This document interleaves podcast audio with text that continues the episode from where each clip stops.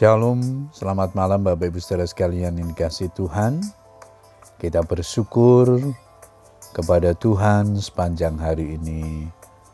Anugerahnya dilimpahkan dalam kehidupan kita.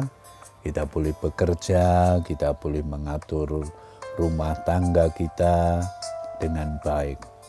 Malam hari ini kita kembali diberikan kesempatan untuk berdoa bersama dengan keluarga kita.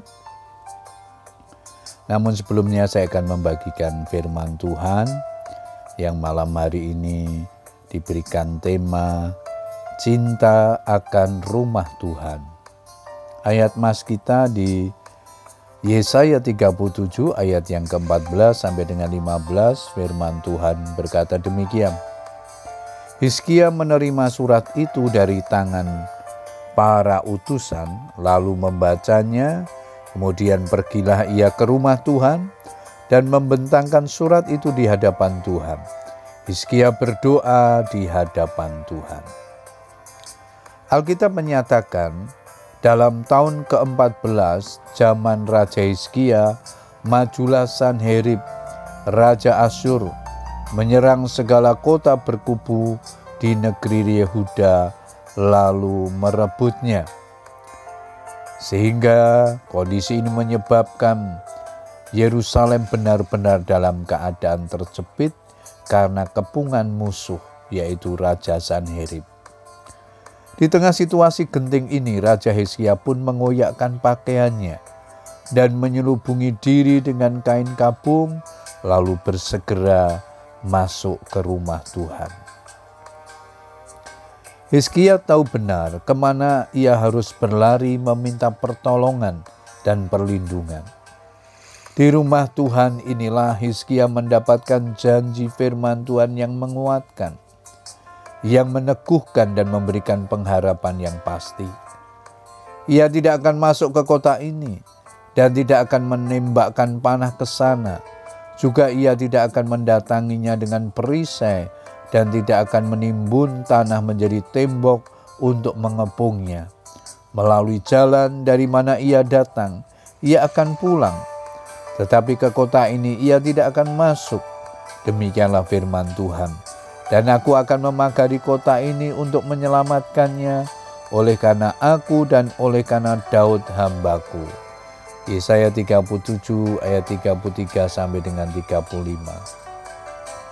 Bapak Ibu saudara sekalian yang dikasih Tuhan, banyak orang percaya tidak lagi menaruh hormat terhadap rumah Tuhan malahan sering kali menjauhkan diri dari pertemuan-pertemuan ibadah di rumah Tuhan.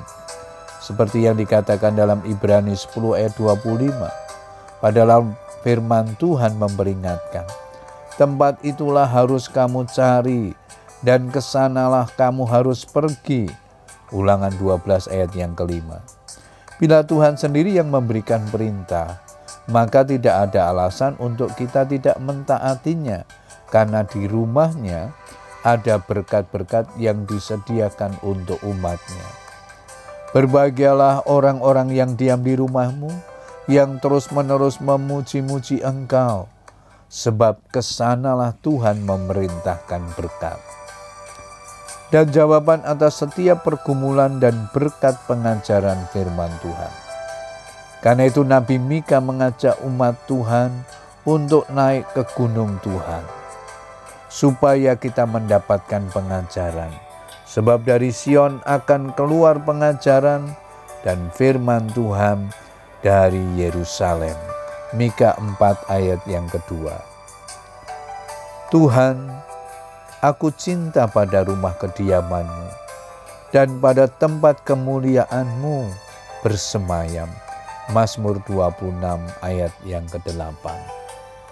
Bapak Ibu Saudara sekalian yang dikasih Tuhan, biarlah kebenaran firman Tuhan ini mengingatkan kepada kita untuk selalu dekat kepada Tuhan, tinggal selalu dalam hadiratnya, mencintai rumah Tuhan, sehingga ketika kita sedang menghadapi berbagai pergumulan dalam hidup ini, kita tahu ke mana kita melangkah, kita tahu ke mana kita mencari tempat perlindungan yaitu hanya di dalam Dia. Puji Tuhan, Kiranya firman Tuhan menjadi berkat bagi kita. Selamat berdoa dengan keluarga kita. Tuhan Yesus memberkati. Amin.